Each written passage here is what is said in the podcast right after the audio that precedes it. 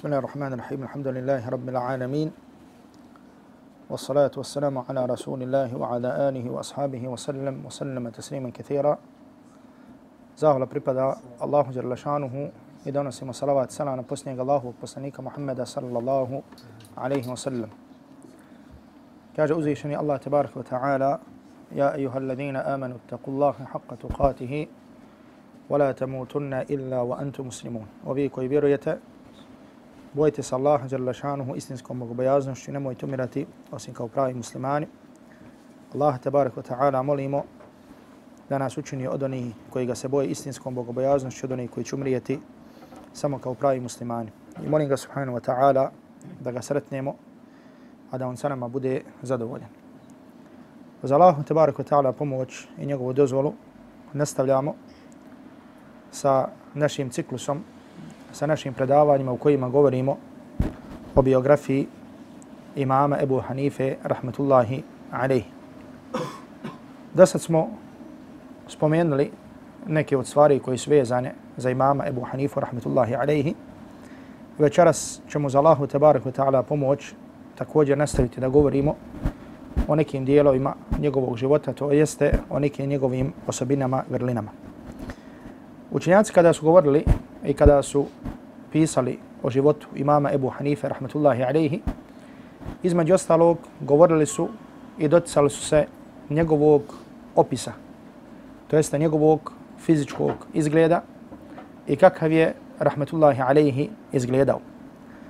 Pa tako, na primjer, spominje se da nije bio niti crne, niti bijele puti, nego nešto između.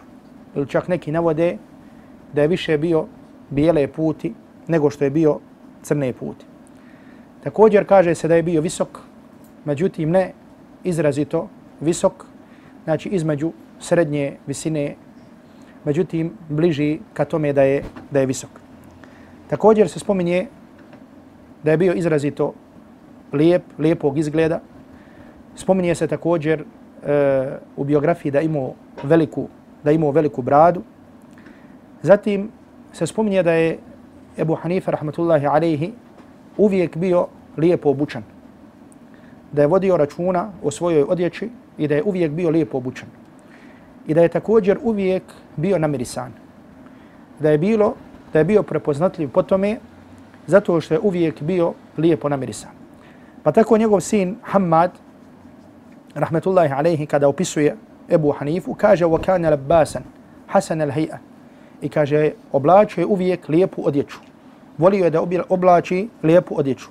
Kaže kathirat ta'attur i kaže mnogo se mirisao. Ju'rafu bi rihi tayyib idha aqbal wa idha kharaja qabla an yarahu.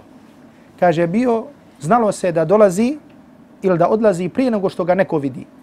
To jeste kada bi dolazio, znači osjetio bi se njegov miris prije nego što bi ga ljudi, prije nego što bi ga ljudi vidjeli. Također se spominje da je bio izrazito blage naravi, znači da je bio blag i tih. Kada u pitanju, e, da tako kažemo, ovo je kada u pitanju fizički izgled. Međutim, kada su u pitanju moralne vrline, e, ono što možemo na jedan način na početku kazati jeste da imam Ebu Hanifa, rahmetullahi alaihi, bio spoj znanja i bogobojaznosti. Znači na kraju krajeva, kao što je to osobina Allahovih poslanika, kao što je to osobina ashaba Allahovog poslanika sallallahu alaihi wa sallam, znači bili su spoj znanja i bogobojaznosti. I to je jedna, zapamte, glavna vrlina. Kada čitamo biografije učenjaka, jeste što primjećujemo da su spojili znanje i bogobojaznost. I kako da ne spoje kada su učenjaci, ulema, kada su oni nasljednici Allahovih poslanika. A Allahovi poslanici su bili, znači bili su, kao što kaže Iša radijallahu tala anha, opisujući Allahovog poslanika, alaihi salatu wasalam, kaže da je to bio Kur'an koji hoda. Znači oni su svojim dijelima primjenjivali, odnosno govorili o svom znanju. Znači kao što sam kazao, bili su spoji znanja i spoj dijela, to jeste bogobojaznosti. Zato, na primjer, Imam Zahabi, taj poznati historičar i muhaddis, islamski učenjak, kada, na primjer, spominje znanje imama Ebu Hanife, rahmetullahi alaihi, kaže wa unije الْآثَارِ athar i kaže zanimao se, to jeste osnovna njegova vrlina, osobina je bilo traženje predaja. Znači, talabul athar, traženje predaja. Šta znači traženje predaja? Znači, traženje predaja misli se izučavanje hadisa Allahovog poslanika sallallahu alaihi wa sallam. I zato imam Zahebi ovdje naglašava Zebu Hanifu da izučavao hadis Allahovog poslanika sallallahu alaihi wa sallam i predaje. To jeste ono što se prenosi od ashaba Allahovog poslanika sallallahu alaihi wa sallam i što se također prenosi od tabiina Kaže, وَرَتَحَلَ فِي ذَلِكَ I imam Ebu Hanife radi toga putovao. To jeste putovao radi čega? Radi traženja hadisa. I zato smo govorili da je iz Kufe putovao u Basru, da je također putovao u Mekku, da je putovao u Medinu. E, kad smo govorili o Ata ibn Abi Rabahu, znači u Mekke učio pred Ata ibn, Rab, e, ibn Abi Rabah, uh, Rabahom, od njega prenosio hadise, od njega slušao hadise i tako dalje. I zato je bila također jedna od glavnih osobina prve, prvih generacija islamskih učenjaka općento, jeste da su putovali u potrazi za traženjem znanja. To jeste prvo bi nauku učili u svom, da kažemo, rodnom mjestu i gledali bi da uče pred svim šehovima do koji se može doći u svojim mjestima i onda poslije toga bi putovali. To je pogotovo bilo izrazito na samom početku. To jeste kada hadis nije još bio sakupljen u zbirke pa su putovali u Meku, putovali su Medinu, putovali su u Bagdad, putovali su u Kufu, putovali su u Basru. Znači kako bi tamo sreli učenjake i kako bi od njih prenosili hadise, da jeste kako bi, kako bi od njih, kako bi od njih čuli. Međutim, ovo ćemo govoriti kasnije. Kaže, wa amma al-fiqh, wa tadqiqu fi ar-ra'i wa ghawamidihi fa ilayhi al-muntaha. A kaže kada je u pitanju fik, kada je u pitanju fik, onda kaže Imam Zahabi fa ilayhi al-muntaha. Kaže u ovome je imam Ebu Hanife vrhunac. Dosegao vrhunac. Znači kada u pitanju fik, znači imam Zahebi kaže za Ebu Hanifu da je u fikhu dosegao vrhunac. Kaže wan nasu alaihi ajalun fi zalik. I kaže ljudi su u potrebi za njim kada je u pitanju, u potrebi su za njim kada je u pitanju šta, kada je u pitanju fik. Znači to je, znači ovdje spominjem samo ukratko, mi ćemo kasnije opet govoriti o znanju Ebu Hanife, međutim ovo je, znači kako ga opisuje Imam Zehebi kada je u pitanju njegovo znanje. I zato koliko, koliko mjesto je imao Ebu Hanife, rahmetullahi alaihi, kod uh, učenjaka Selefa, znači onih generacija koji su došli poslije njega, govori možda i najbolje izreka koja se prenosi od Ebu Muavija Darira, Znači, inače, prije nego što e, spomenem ovu izreku, znači, bitno je da znamo ko kaže tu izreku. Pa tako Ebu Muavi ad-Darir. Inače, Ebu Muaviju, ovog Ebu Muaviju, znači njegovo pravo ime je Muhammed ibn Hazim Sa'adi. Muhammed ibn Hazim Sa'adi. Jedan od prenosioca, jednog, jedan od ravija kojeg nalazimo u sahihu imama Buharije. I za njega se kaže, znači on je jedan prenosioca uh, kojeg nalazimo u senedima, znači u, u senedu imama Buharije, znači e, u sahihu imama Buhari i kaže se da je najprecizniji i najbolji ravija koji prenosi od A'maša. Najprecizniji i najbolji ravija koji prenosi od A'maša. I zato Zahebi za Ebu Muaviju, za ovog prenosioca, znači za ovog učenjaka, kaže imam hafiz Hudža. Znači bio je imam, imam u hadisu. Hafiz, hafiz u hadisu misli se. Kaže Al-Hudža, dokaz. Znači dokaz, znači koliko je njegovo znanje. Ovaj Ebu Muavija ad-Darir, znači Muhammed ibn Hazim i Sa'di, govorio je, kaže, hubbu Ebi Hanifa mina sunna. Kaže, od sunneta je ili ljubav prema Ebu Hanifija sunnet. Znači, ljubav prema imamu Ebu Hanifija od sunneta. Ili sunnet je da voliš imama Ebu Hanifu. Znači, kakve veze sada ima ovdje? Mi znamo šta je sunnet. Znači, sunnet je šta? Znači, ono što je preneseno da Allahu poslanih sallallahu alaihi wa sallam znači govorio da je radio ili da je šutnjom odobrio. Ili eventualno, znači kao što uh, jedan broj učenjaka dodaje, znači opis Allahovog poslanika sallallahu alaihi wa sallam. Međutim, inače da znate, znači često ćete naći u biografijama da se kaže da je ljubav prema tom i tom učenjaku od sunneta. Znači, šta misle da je ljubav prema njemu od sunneta? Znači, od ljubavi prema sunnetu je da voliš tog i tog učenjaka. Zašto? Zato što je taj učenjak prenosio ili čuvao sunnet Allahovog poslanika sallallahu alaihi wa sallam. Pa se tako prenosi da su govorili ako vidiš nekoga da mrzi tog i tog i tog, tog, tog, i tog, i tog učenjaka, znaj da je on novotar. To jest ako vidiš da nekoga, nekoga da mrzi mama Ahmeda, znaj da je novotar. Zašto? Zato što je bio prvak ahli sunneta u svom vremenu. Prvak ahli sunneta u smislu da je branio sunnet Allahovog poslanika sallallahu alaihi wa sallam od raznih devijacija. Pa su govorili da voliš tog i toga ili ljubav prema tom i tom je sunnet ili ako vidiš da neko mrzi tog i tog ili da govori o njemu, znaj da je on, znaj da je on ovotar. Zašto ovdje Abu Muawiyah Darir kaže da je ljubav prema Abu Hanifi od sunneta? Zato što je imam Abu Hanifa rahmetullahi alaihim jedan od najvećih učenjaka svog vremena. I zato što se suprostavio devijacijama kada je u pitanju ispravno vjerovanje. Znači, o tome ćemo također govoriti. Znači, kada, e, pošto, su, e, pošto je većina novotarskih skupina, tako da kažemo, se pojavilo prvi put u Iraku. Znači, u Kufi i u Basri. Znači, kao što je e, Džehm ibn Safvan, kao, kao što su drugi. Znači, Ebu Hanifa, rahmatullahi alaihi, se suprostavio njihovom neispravnom tumačenju, pogotovo kada je u pitanju neispravno tumačenje i poimanje Allahovi tabareke wa ta'ala svoj stava.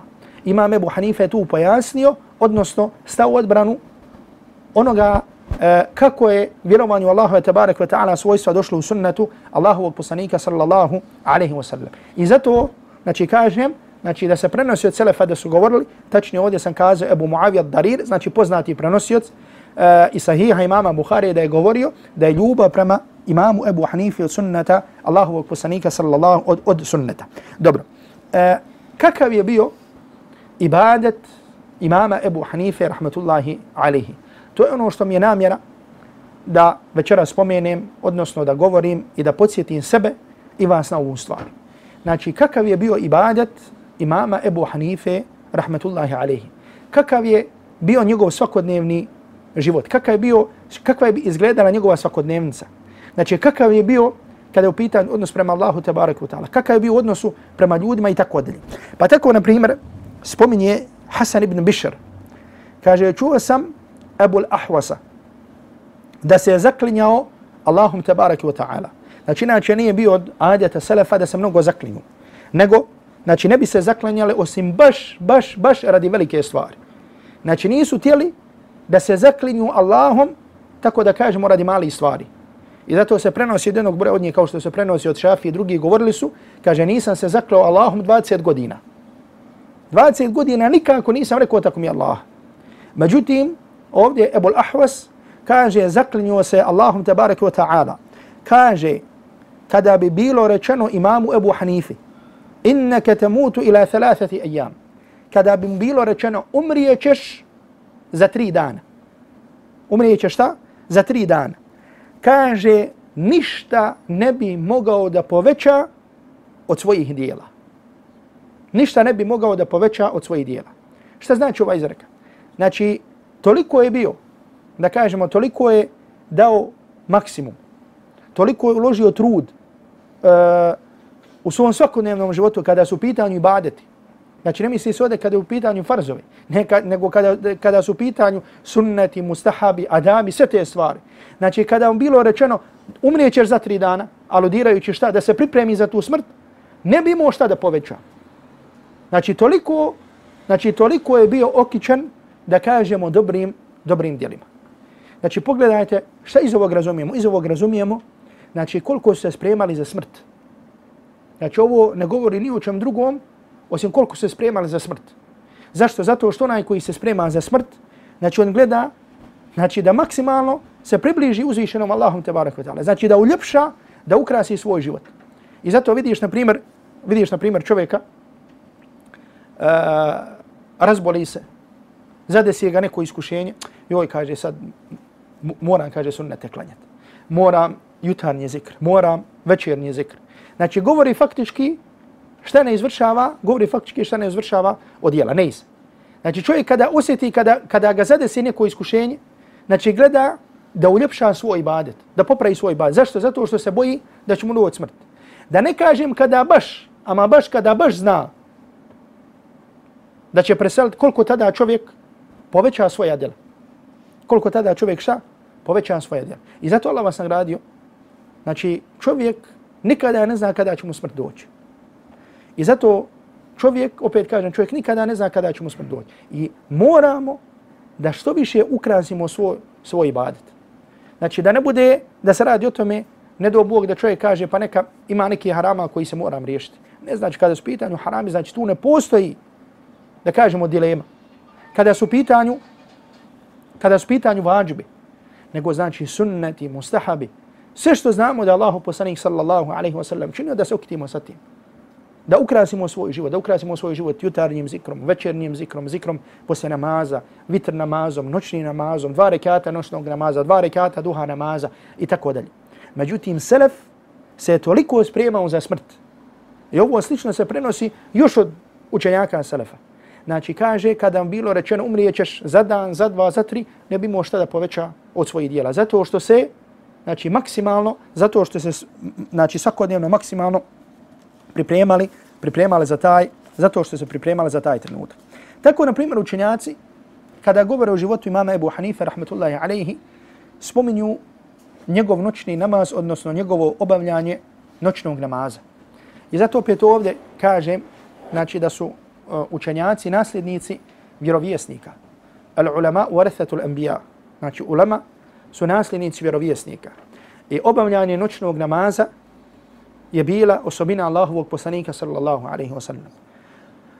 Obavljanje noćnog namaza je bila od glavnih osobina ashaba Allahovog poslanika alaihi salatu wa sallam od učeni, učeni ljudi iz ovog ummeta, znači njihova je, da kažemo, svakodnevnica bilo obavljanje, znači stvar koja nije, znači, koja je bila dio njihovog života je bilo obavljanje noćnog namaza. I zato subhana znači vidimo kako Allah Đelešanu u Koranu spominje noćni namaz i odmah spominje učene, to jeste kaže da li su isti oni koji znaju koji ne znaju. Pa kaže uzvišeni Allah tabaraka wa ta'ala Amman huwa qanitun ana al-layli sajidan wa qaiman jahdaru al-akhirata wa yarju rahmata rabbi.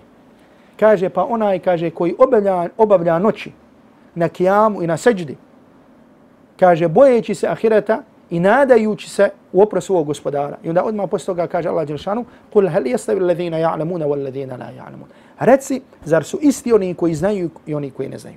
Znači oni koji znaju žestinu Allahovog tabarik ve ta'ala kažnjavanja, oni koji znaju kolika Allahova tabarik ve ta'ala milost, milost, oni traže u noćnom namazu da je uzvišeni Allah tebarek ve ta'ala sačuva od njegove srđbe i da im podari, da im podari njegovu milost. Pa tako, na primjer, prenosi se od Esed ibn Amra da kaže imam Ebu Hanifa, rahmetullahi alaihi, je klanjao jeciju namaz i sabah namaz sa jednim abdestom. 40 godina. 40 godina je klanjao sabah sa jecijskim abdestom. To jeste, znači aludirajući nešto, znači da nije spavao sve do sabaha. Da nije spavao šta? Znači sve do sabaha. Nego bi sa jecijskim, na čitavu noć bi provodio, ili većinu noći bi provodio u noćnom namazu i onda bi sa tim abdestom, znači koji bi imao od jecije, znači sa njim bi, sa njim bi klanio šta? Sa njim bi klanjao sabah, sa njim bi klanjao sabah namaz. Međutim ovdje, Esed ibn Amr kaže da je to bila, jel misli su većine slučajeva, znači da je to bila njegova praksa 40 godina. E, Ebu Asim Nabil, i ovu spominju sam, ovu predaju sam spominju, misli na početku e, ovih dersova, da kaže kana Ebu Hanife. Kaže ljudi bi, znači to je bila praksa, znači ne da je jedan ili dvojica da su to uradili, kaže nego, kaže Ebu, ljudi, Ebu Hanife je bio prozvan ili ljudi su ga zvali al-watad, zvali su ga stubom. Zvali su ga stubom li kethrati salatihi radi mnoštva njegovog namaza. To jeste, toliko je bio na kjamu, znači da su ljudi govorili, znači toliko je na kjamu, znači stoji na kjamu koliko stub stoji. Znači zvali su ga stubom radi njegovog obavljanja, radi njegovog obavljanja noćnog, noćnog namaza. Također se prenosi od Jahje ibn al-Hamida, al-Hammanija, on prenosi od svog oca, kaže da je on putovo, da se je družio, e, da se je družio, da je stalno bio s Ebu Hanifom šest mjeseci. Znači bi uz njega jedan period od šest mjeseci. Pa kaže, nikada u tom periodu od šest mjeseci nisam ga vidio da je klanjao, da je klanjao sabah namaz osim sa jacijskim, osim sa jacijskim abdestom. Osim sa jacijskim abdestom. Također se prenosi od njegove žene, da je njegova žena govorila za njega, kaže, Mata wasata Ebu Hanifata firašan bi lejlin munzu areftuhu. Kaže, po noći nitkada nije dotakao postelju, kaže, od kako ga ja znam. Kaže, wa innama kana naumuhu bejna dhuhri wal asri. Kaže, njegovo spavanje u većini slučajeva bilo između podne i kindije. Znači, ovo ne mora znači da nikada, nego govori se općento, znači opis, znači njegovo spavanje je bilo između podne i kindije. A kaže, u, e, to, je, kaže, to bi kaže bilo ljeti, a kaže zim bi spavao, kaže također od početka, od početka, od početka noći.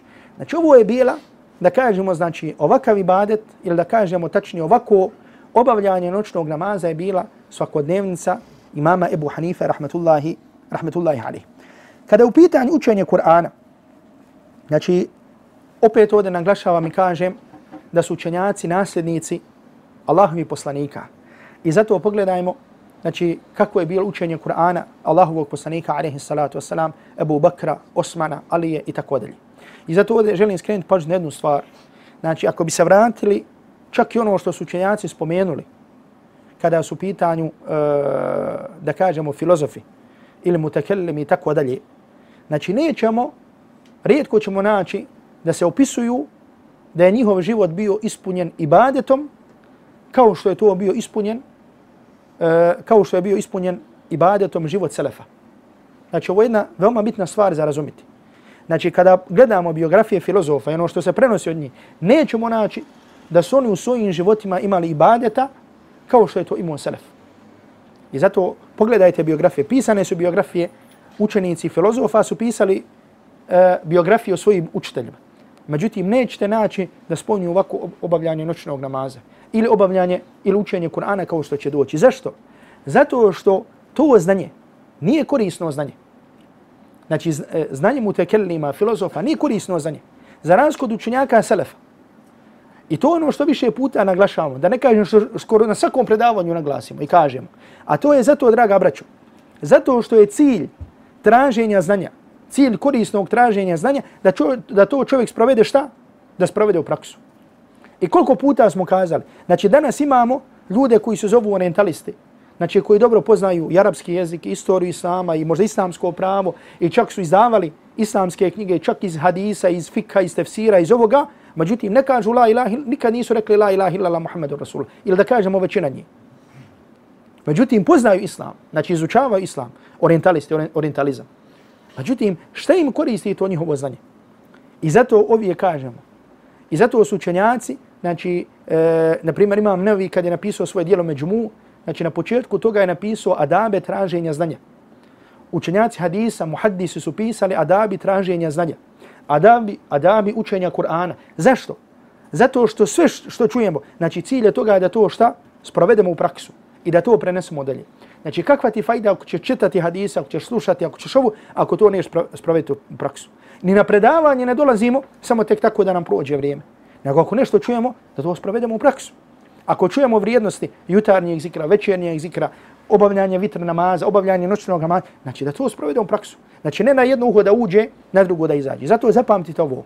Znači u biografijama filozofa mutekellima, znači ne nalazite da je njihov život bio ispunjen ibadetom, kao što je to slučaj kada su pitanju kao što je to slučaj kada su pitanju činjaci Selefa. I zato ovdje želim samo skrenuti jednu pažnju, a to je, i neko, jer ovdje može se sada, na primjer, čovjek počne tražiti znanje, počne izučavati hadis, počne čitati knjige, kaže joj, nemam sada vremena za učenje Kur'ana. Nemam sada vremena za ponavljanje Kur'ana. Znači vidit ćete koliko su ovi velikani, ovi velikani, koliko su dnevno učili Kur'an. Znači zašto? Zato što učenje Kur'ana i badet. Opet, znači plod, približavanje Allahu Đelešanu. Drugo, ovo dobro zapamte, pogotovo oni koji uče hivs. Zato što Kur'an daje baričat čovjeku. Zato što Allah Đelešanu preko Kur'ana daje beričat čovjeku u njegov život, u njegovo korištenje vremena. I zato, na primjer, veliki broj savremenih učenjaka, primjer šehe Husaymin, rahmetullahi alaihi drugi, su savjetovali, na primjer, da čovjek uvijek svoj dan počne sa učenim ponavljanjem Kur'ana. I što su govorili između ostalog, jeste da će Allah Đelešanu ti u tom danu dati beričata, u tvom vremenu, u tvom traženju znanja, u tom ovome. I zato nekada vidiš, u istinu, da kažem, čuješ Znači, ta i taj učenja kaže svaki dan uči pet džuzeva Kur'ana. Uči svaki dan deš džuzeva Kur'ana. Ali Allah Đelešanu mu dadne baričet u to njegovo vrijeme. Zašto? Zato što koristi vrijeme da bi ponavljao Allahu tabaraka wa ta'ala govor. Kaže Hafs ibn Abdurrahman, kaže bio sam kuntu šarik Ebi Hanife 30 sana. Kaže bio sam partner ili bio sam znači blizak drug Ebu Hanifi 30 godina. Znači 30 godina sam posmatrao njegovo stanje. Kaže fa kana yahtimu al-Qur'an fi thalathata ayyam wa layaliha. Pa je učio hatmu svako tri dana. U tri dana i tri noći. Znači svako tri dana, tri noći bi proučio šta? Proučio hatmu. Znači što iz ovog dobivamo, znači da je učio dnevno, ponavljao dnevno deset džuzeva Kur'ana. I ovo nije znači, nije da kažemo jedini od selefa koji su veliko učili veliko, nego se prenosi i od velikog broja selefa također da su veliko znači učili Kur'ana dnevno. Znači pored toga što je bio učenjak, što je tražio znanje, pored toga što je podučavao ljude, znači dnevno je ponavljao, znači ishodno ovoj predaji deset džuzeva Kur'ana. Čak prenosi Misar ibn Kaddam, kaže, vidio sam, i ovo spominje veliki broj biografa, uh, koji su dali biografiju imama Ebu Hanife, kaže, vidio sam da imam Ebu Hanife proučio cijeli Kur'an na jednom rekatu. Znači, vidio sam da je proučio cijeli Kur'an na jednom rekatu. Ovo se prenosi također od jednog broja ashaba, kao što se prenosi od Osmana radijallahu ta'la anhu, jednog broja selefa, da bi da su znali proučiti cijeli Kur'an na jednom ili na dva rekata. Znači, da bi stali, znači, prenosi one, da su stali pored Kabe i da su na dva rekata proučili, da su na dva rekata proučili cijeli, cijeli Kur'an. To je naravno moguće, pogotovo znači kada zimi, znači kada su znači noći duge, znači moguće da se u tom vremenu znači prouči da se prouči cijeli Kur'an. Međutim, učenje Kur'ana kod imama Ebu Hanife rahmetullahi alejhi kao što je kod drugog kao što je kod ostatka selefa nije bilo samo učenje nego je bilo učenje sa razmišljanjem. Znači bilo je učenje sa razmišljanjem. I opet kažem, znači bilo je učenje sa razmišljanjem. Koliko je danas nama potrebno da ono što znamo od Kur'ana, da učimo sa razmišljanjem. Znači, ako ništa kažemo ovdje, ono što znaš od kratkih kuranskih sura na pamet, znaš li značenje toga? Ovdje samo, znači, pravim jednu digresiju, znači, jedno podsjećanje. Znači, znamo li, ako, bi, ako hoćemo da razmišljamo kuranskim ajetima, ne možemo razmišljati kuranskim ajetima ako ne znamo značenje toga. Ako ne znamo tefsir toga. Znači, to je osnovna stvar. Ne možeš sada učiti neki ajet i da, udara, da dirne tvoje srce, da pustiš suzu, ako ne znaš značenje toga. Znači, se uticalo na njih toliko, zato, hem što su se družili sa Kuranom, što su im srca bila čista, hem što su poznavali značenje toga. Međutim, sad kažemo ovdje, ono što znamo od kuranskih sura, evo da kažemo da znamo od sure Duha do kraja.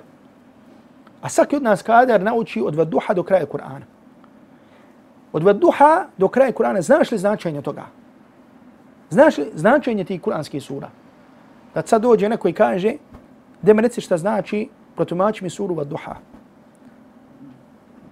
Postavlja se pitanje.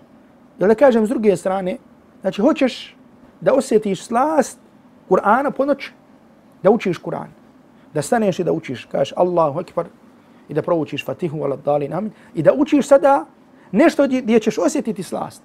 Ne možeš, dragi brate, ne možemo osjetiti slast ako ne znamo značenje toga.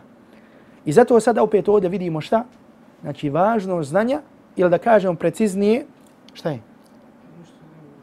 Ha? Pa pokaži smo non stop. Drži inders, smetaš. Dobro. Hajde, e, e, recimo da te čuje. Dobro. Gdje sam bio? Šta sam zadnje rekao sada? Znači što vidimo, znači važnost znanja ili ovdje da kažem preciznije tefsira. Znači zato Allah vas nagradio, znači ako sad nemamo predavanje istog, znači možete naći na internetu. Znači tumačenje kraćih sura. Znači gledajte da naučite značenje kraćih sura. Sutra svoju čeljad, svoju familiju da kad okupiš, djecu da naučiš, da im usadiš od malena, značenje da znaš svoje djece prenijeti. I zato koliko puta kažemo, ako ništa, uči znanje kako bi ga znao prenijeti svojoj, svojoj porodici. Pa kaže do Rahman, kaže, bio sam 30 godina sa njim i kaže, završavao je hatmu Kur'ana svako svako tri dana. Kaže, wa kana yatasaddaqu kulla yawmin sadaqa. I kaže, svaki dan bi udjeljivao sadaku. Znači, inače, o tome ćemo govoriti, imam Ebu Hanife je bio poznat po svojoj darežljivosti i po mnoštvu udjeljivanja i po svom izdržavanju, znači siromašnih, posebno, posebno svojih učenika. Kaže Qasim bin Ma'an da je jedne prilike Ebu Hanife ostao cijelu noć ponavljajući samo jedan kuranski ajet. Kaže وَيَبْكِ وَيَتَضَرَّعُ إِلَى الْفَجَرُ Ponavljajući taj ajet je plakao kaže sve do sabah namaza. A to je ajet iz sure Al-Qamar gdje uzvišeni Allah tabaraka wa ta'ala kaže beli sa'atu maw'iduhum. A kaže sudnji dan sudnji dan je njihov određeni čas. Wa sa'atu adha wa amar. A kaže sudnji dan je teži i gorči. Sudnji dan je teži i gorči. I kaže, ostao je, kaže, tako da plaće sve do sabah namaza. Kaže, isto tako se prenosi od Ahmed ibn Yunusa. Kaže, čuo sam Zaidu da je rekao, kaže, klanjao sam jedne prilike sa imamom Ebu Hanifom jaciju namaz. An-nasu wa lam ya'lam anni fi al-masjid. I ljudi su izašli iz masjida, a kaže on nije vidio da sam ja ostao u masjidu. I kaže tio sam da ga pitam jedno pitanje na samo. Pa je kaže ustao i počeo da klanja, kaže sve dok nije došao ajet do ajeta فمن الله علينا ووقانا عذاب السموم ajeta i sura Tur gdje Allah tabaraka ta'ala kaže pa nam se Allah smilovao, pa nas sačuvao bolne patnje. Kaže, pa sam ga čekao, pa je kaže, ostao taj aj do ponavlja, sve dok nije, nauči, sve dok nije zaučio ezan za sabah namaz. Znači, ostao je da ponavlja, znači, taj kuranski aj sve dok nije proučio ezan, dok, se, dok nije počeo da se uči ezan za sabah. Ovo opet kažem, znači ovo ćete naći u sunnetu Allahovog poslanika, alaihi salatu wasalam, da bi Allahu poslanika, alaihi salatu wasalam, učio jedan uh, ajet ponavljajući. I zato ovo uh, ima jednu svoju posebnu slast. Da kažem kada čovjek na noćnom namazu uh, uči i kada ponavlja. I nema smetnje da ponavljaš ili ajet ili suru. Da sad uzmeš, na primjer, učiš suru i da zulzilati l'ardu zilzalaha i da ponavljaš ajet, na primjer, فَمَنْ يَعْمَلْ مِثْقَالَ ذَرَّةٍ خَيْرًا Jer ko, budi, ko uradi koliko trun dobra vidjet će ga, ko, ko uradi koliko trun zla vidjet će ga i tako da. I da ponavljaš to više. I da razmišljaš o tome i da značenje toga uđe u tvoje srce. I da sutra znaš da koliko god uradiš tru nekog dobra, da ćeš to vidjeti na sudnjem danu. Dok s druge strane, koliko god uradiš tru nekoga zla, da ćeš to isto tako vidjeti. Ili da kažemo da učiš, da uzvišeni Allah tabarak wa ta'ala kaže al-qarija, mal-qarija, wa ma adraka mal-qarija, da uzvišeni Allah tabarak wa ta'ala govori o sunjem danu i tako dalje, i tako dalje. E, ono što se spominje je što ukazuje na bogobojaznost imama Ebu Hanife, rahmatullahi alaihi, jeste, da kažemo, jedan događaj koji se spominje, e, međutim to govori, opet kažemo, o njegovoj bogobojaznosti. Znači imam Ebu Hanife, znači taj veliki alim, jedan od najvećih alima svog vremena. Znači kao što se prenosi predaja, koju ću možda spomenuti od Abdullah ibn Mubaraka, između ostalog Abdullah ibn Mubarak kaže, kaže ušao sam u Kufu i pitao sam ko je najučaniji pa smo rekli Ebu Hanife. Pa sam pitao ko je najbogobojazniji, pa smo rekli Ebu Hanife. Pa sam pitao ko je najveći zahid, pa smo rekli Ebu Hanife.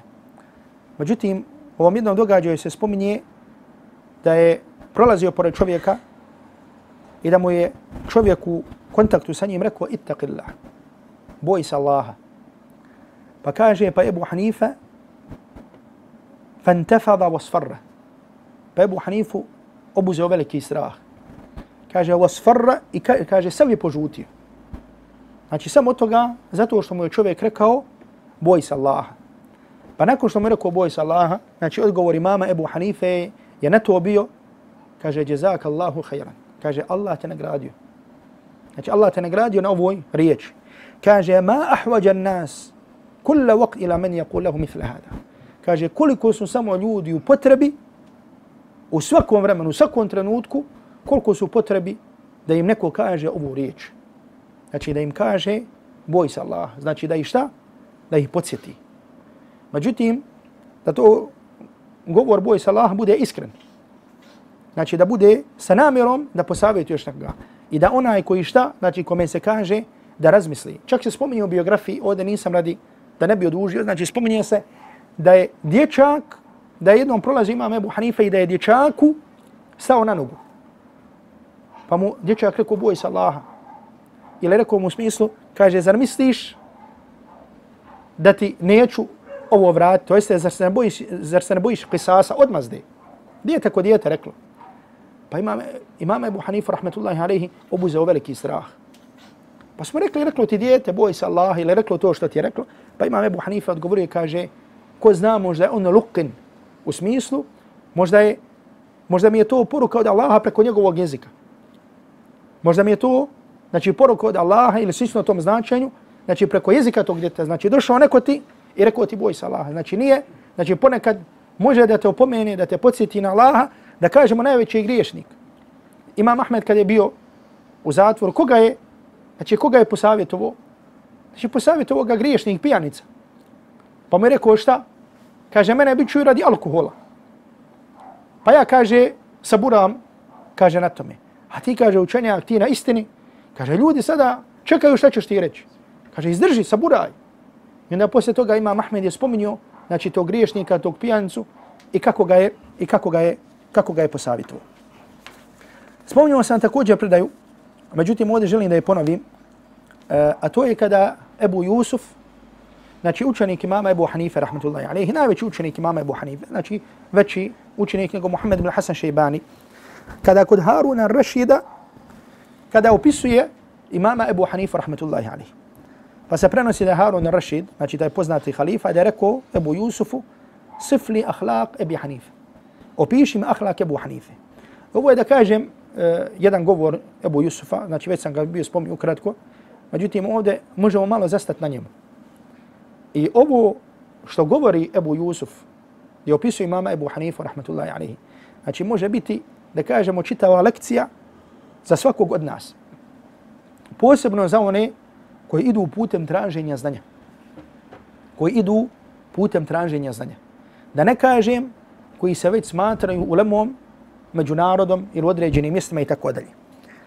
Pa Ebu, Ebu Jusuf kaže, obraća se Harunu Rašidu govoreći mu o imamu Ebu Hanifu, Ebu Hanifi kaže, kane wallahi šedide zab an haramillah.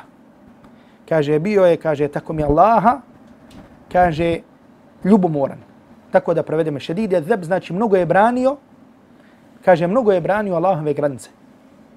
Jel da kažemo bio je ljubomoran na Allahove granice. Znači kada bi vidio da se krši Allahove tabareke wa ta'ala granice, znači branio bi, to jeste naređivo bi na dobro, odvraćao bi od zla. Znači pogledajte sada, samo da zastanemo par trenutaka na ovom dijelu. Gdje su danas ljudi koji su ljubomorni na Allahu vjeru? Znači gdje su da posebno ljudi znači, koji obavljaju funkcije ili među lemom ili među zvaničnicima i tako dalje, koji su ljubomorni na Allahove granice. Znači da sad ovdje ne govorimo o razilaženjima, o poimanjima stvarima, da li poima e, shodno, da ne ulazimo sad ovo menheđu ili ovo menheđu, međutim da kažemo da nađeš ljude koji boli što se krše Allahove granice. A danas se toliko javno krše Allahove granice, Znači, molim Allah da, da ne spusti svoju kaznu na nas. Znači, kada je u pitanju javno činjenje ovog grijeha, ovog grijeha, najveći grijesi kao što su kamata, kao što je blud, kao što je zinalu, kao što je kocka, kao što je ovo. Međutim, gdje su danas ljudi koji su ljubomorni kada se krši Allahove granice? Ne kada se krši tvoj hak, niti hak tvog džemata, niti hak tvog istomišljenika, niti hak tvog tvoje stranke, nego kada se krši Allahova granica. Obratite pažnju na ovu stvar. Zašto ovo napominjem? Zato što ćemo danas vidjeti da nas zaboli ili dirne nas. Na primjer, u velikom broju slučajeva kada se dirne nešto što je vezano za nas. U smislu ili se tamo desilo nešto u svijetu sa tvojim istomišljenicima ili ljudima iz svog pokreta ili ljudima iz svog džemata i tako dalje, jer smo toliko podijeljeni da Allah popravi naše stanje. Međutim, kada vidiš jasno prelaženje Allahovi granica, Allahovi granica, ne ljudske granica, nego Allahovi granica, braću. Zato vidite Allah dželle šanuhu u Kur'anu kada spominje kada spominje propise talaka, razvoda braka, braka, kaže tilke hududullah. To su Allahove granice. Nisu ljudske granice, to su Allahove granice. Allah postavio da se tako ulazi u brak, da se tako izlazi iz braka, da se tako ovo. Danas kada vidimo kršenje Allahove granica, gdje su oni koji to zaboli? Gdje su oni koji dignu svoj glas? Gdje su oni koji to pojašnjavaju? Da Allah Đelešanu popravi naše stanje. I zato kažem, znači čovjek mora imati ljubomoru. Znači onaj koji krene putem traženja znanja. Zašto ovo spominjem? Nije sada da ovo spominjem u smislu da kritikujem ljude koji su na tim položajima, pa to radi ili ne radi. Što, što naš narod kaže, ovo je samo poređenje, kaže teško je stara vlaha poturčiti. Znači ljudi koji su ogrezli u grijesima, koji su navikli na to, znači to je teško da ti sada promijeniš. Međutim, šta možemo? Jer da čega ovo govorim prije svega? Znači kako bi mlade ljude odgojili, kako bi se mi odgojili, kako bi odgojili mlade ljude, na čemu? Na ovim stvarima. Da mu Allahova granica bude ispred svake druge granice. Ispred svake druge stvari. Znači Allahova te barek ta'ala granica. I da narastu ljudi, odrastu ljudi među našim narodom koji vode računa Allahovim granicama, koji znaju šta je kamata, koji znaju šta je blud, koji znaju šta je uh, mnoge stvari. I onda se nadati boljoj, boljoj budućnosti. Kaže dalje, kaže muđani ben li ahli dunja. Kaže, klonio se ljudi dunjalučara. Znači, klonio se šta? Ljudi i dunjalučara. I društva sa njima. Znači, normalno, griješnik, da kažem prije svega, nevjernik se poziva s mudrošću. Griješnik se poziva s mudrošću. Međutim, da vidiš ljude koji hoće Allahovo zadovoljstvo, da hrle, hitaju ljudima od Dunjaluka, da ne kažem ljudi koji su poznati po griješenju, da ne kažem ljudi koji su poznati po svom kufru, neprijateljstvu prema Islama, to nije bilo moguće vidjeti. Uvijek kad nalazimo opis Selefa, vidimo da su bili daleko, da kažemo, ili se spominje daleko od vladara, ili u većini da su se klonili vladara, da nisu tijeli da uzmaju primanje od vladara. Znači vidjet ćete Ebu Hanife je, čak neki kažu da je umro, da je umro radi tog bičovanja. Imam Ebu Hanife je bičovan zato što nije tijelo da se prihvati kadiluk. O tome ćemo posebno govoriti. Međutim, ovdje ga Ebu Jusuf opisuje kao na buđani ben nehli dunja. Klonio se ljudi od dunjaluka. Znači nije tijelo da ide za dunjaluk. Zašto? Zato što ga taj dunjaluk nije interesovao. Kaže Tawila samti da ima fikr. Kaže mnogo je šutio i mnogo je razmišljao. Lam yakun mihdaran wala tharthara. Nije kaže sa šta govorio, da ne kažem sada blebeto ili tako. Znači nije mnogo govorio. I zato je ovo posebno također znači jedna lekcija za onoga koji traži znanje, znači da vodi računa o svom jeziku. Znači onaj koji krene izučavanjem Kur'ana, sunneta, dersova, znači ne može svašta da govori.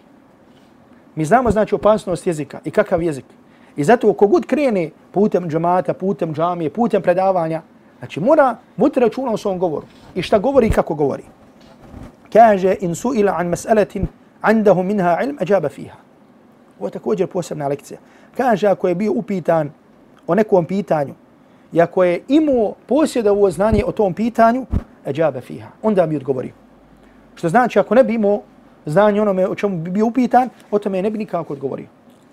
I zato, obratite pažnju, znači to je također jedna od glavnih karakteristika Selefa, da nisu govorili osim onome što znaju. I zato čuvajte se, znači, priča, rasprava, kada ljudi povedu priču o nekoj stvari uz kafu ili da kažem preko društvenih mreža i kad čovjek kaže ja mislim, ja mislim ovo, ja mislim dozvoljno, ja mislim nije dozvoljno i tako dalje. Znači, Allah mi robovi, znači danas je lahko da nazoveš onoga koji zna i da ga upitaš. Danas je mnogo lahko da dođeš do odgovora. I zato čuvaj svoj jezik da ne bi rekao nešto o Allahovoj vjeri što nije tako.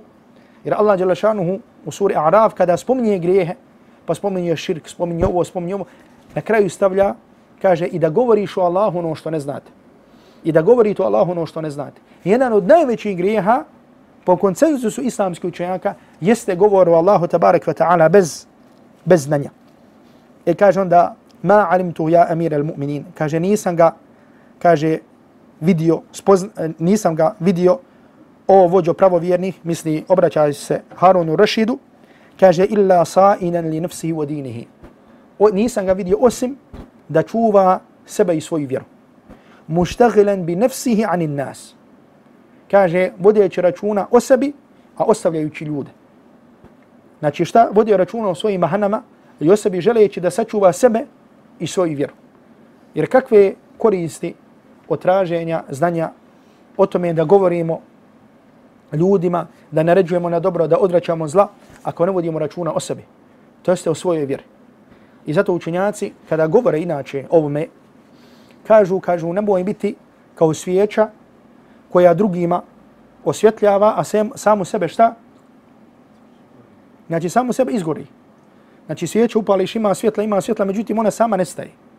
Tako isto čovjek može da bude, ako ne bude vodio računa o sebi, o svojoj vjeri, to jeste o svom stajanju pred Allahom te barek ta'ala. Znači, može ljudima ovako vasti, govoriti, podučavati, međutim, kasnije nema ibadeta, nema ovoga, nema onoga.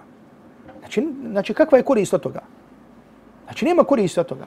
Znači, čovjek, čovjek prije svega želi da spasi sebe na sunnjem danu, da spasi sebe.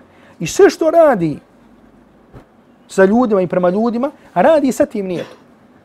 I zato pogledajte važnost i bitnost nijeta. Znači mi ponekad mislimo da je samo ibadet kad bukvalno postiš ili kad bukvalno staneš da klanjaš dva rekata ili četiri rekata ili kada sjedneš da zikriš tako dalje. Ne. Znači svako ono djelo koje je dozvoljno sa kojim nijetiš Allahu zadovoljstvo to ti ibadet.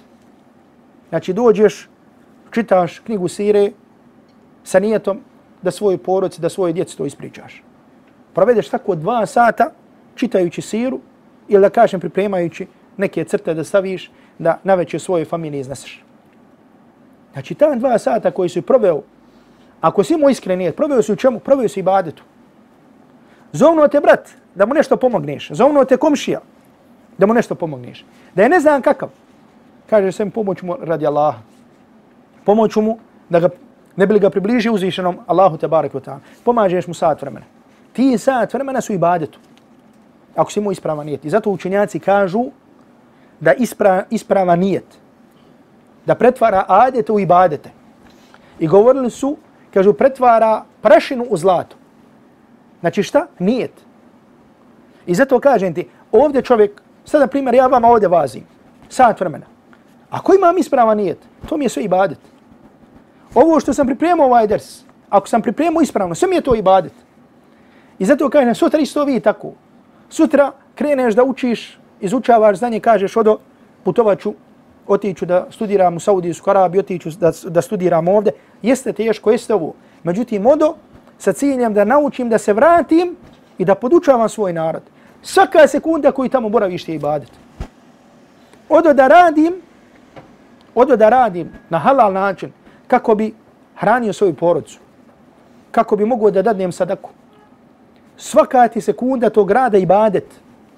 Međutim, ima ljudi koji od svog grada nemaju ništa drugo osim šta, osim umor. Samo umor. Međutim, ti ako imaš ispravan nijet, taj umor ti ibadet. I dođeš na sunji dan, svaku sekundu nađeš na vagi dobrih dijela. Međutim, ako si imao šta? Ako si imao ispravan nijet. I zato i kada radiš, sa nijetom da dođeš do halal na fakje, da hraniš svoju porodcu, da izdržavaš svoju porodcu. Da ne kažem da dadneš sadaku, da pomogneš i tako dalje i tako dalje. I zato Allah vas nagradio. Znači čovjek, čovjek mora da posmatra na život oko sebe. Ali da počne od sebe. I da kaže ja želim da sebe sačuvam patnje na sudnjem danu. Kako ću to uraditi? Uraću čineći dobra djela. E onda ima da kažemo baš ka taj. Hajde da ga nazovemo privatni ibadet kao što je post, ko što je na fila, ko što je zikr međutim i ono i moj odnos sa ljudima da bude radi uzvišenog Allaha te barek ta'ala. I zato, draga braću, znači ovde, znači kažem, nemojmo misliti, nemojte da mislimo da je pozivanje Allahu te barek ta'ala da je to obaveza tamo nekih.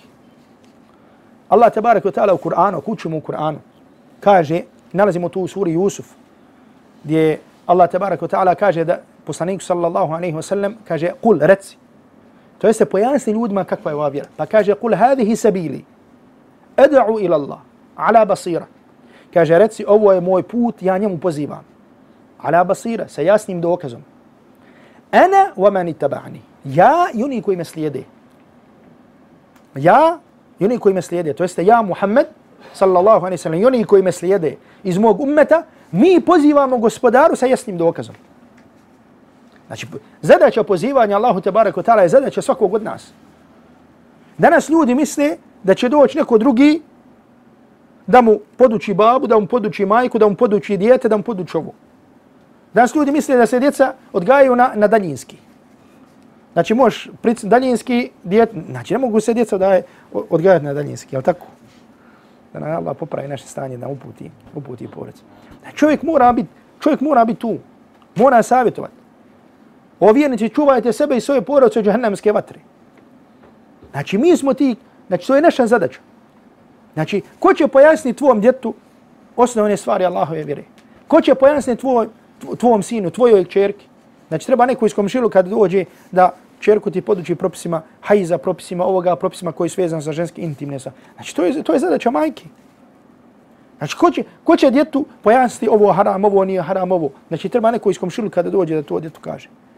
Znači, u redu imaš mejtef, imaš školu Kur'ana, imaš ovo, imaš ovo. Međutim, to je stvar koja ti pomogne. Ti si osnova. Ti si taj koji trebaš osnove, Allah me vjere da podučiš svoju porucu. Znači sutra, ne samo da kažem poduči, sutra vidiš, krenu, hoće da skrenu malo. Ti si tu koji trebaš vući za ruka. Na najblaži način, na najljepši način pojašnjavati, govoriti o Allahu, pozivati Allahu, džanna, džahannam i tako dalje. I zato Allahu i robovi učimo znanje radi toga. Učimo Allahu vjeru rad toga. Ispravimo to svatanje i to mišljenje da su predavanja nešto gdje dolazimo samo da nam prođe vrijeme. Ili da čujemo nešto zanimljivo, ili da čujemo nešto što će nam dirnuti srce. Predavanja su mjesta gdje mijenjamo naše živote. Gdje mijenjamo sebe, gdje mijenjamo naše živote. I zato vam kaže, bojite se Allaha. Bojite se Allaha po pitanju vaših porodica, po pitanju vaših žena, po pitanju vaše djece, po pitanju vaših roditelja. Nemojte mi da će doći neki haso, huso, ovaj, fendi, ovaj, hazreti, ovaj, da, će, da ih poduči. To je tvoja zadaća. Ti moraš da ih podučiš. Ja ih alladhina amanu ku anfusakum ahlikum nar. O vjernici čuvajte sebe i svoje porodice od džehennemske vatre. Čuvajte sebe i svoje porodice od džehennemske vatre. Ne dođe čovjek kaže evo možeš bogati mi podučiti ovo dijete, možeš ga naučiti sufar, znači, možeš, možeš mi ovaj šta, šta ti tu, šta ti tu radiš? I zato Allah robovi opet ovdje skrećem pažnju i kažem ono što je zadaća, ono što mislim da trebamo da razumijemo da je primarni zadatak ovih predavanja, znači da mijenjaju naše živote, ali stvarno da i mijenjaju. Da izađemo i kažemo naučio sam ovo, međutim treba to i to da promijenim u svom životu. I onda na kraju kaže, kaže la izkur ahadan illa bi khair, kaže nikoga ne bi spominjao osim po dobru. I onda kaže Harun al-Rashid, kaže hada akhlaqu salihin. Kaže ovo je akhlaq ili ovo je ponašanje dobrih, dobri i bogobojazni, dobri i bogobojazni ljudi. Allah tebareku ta'ala molim da nas smiluje da oprosti. Wa sallallahu ala Muhammedin wa ali wa sahbihi wa sallam wa sallam wa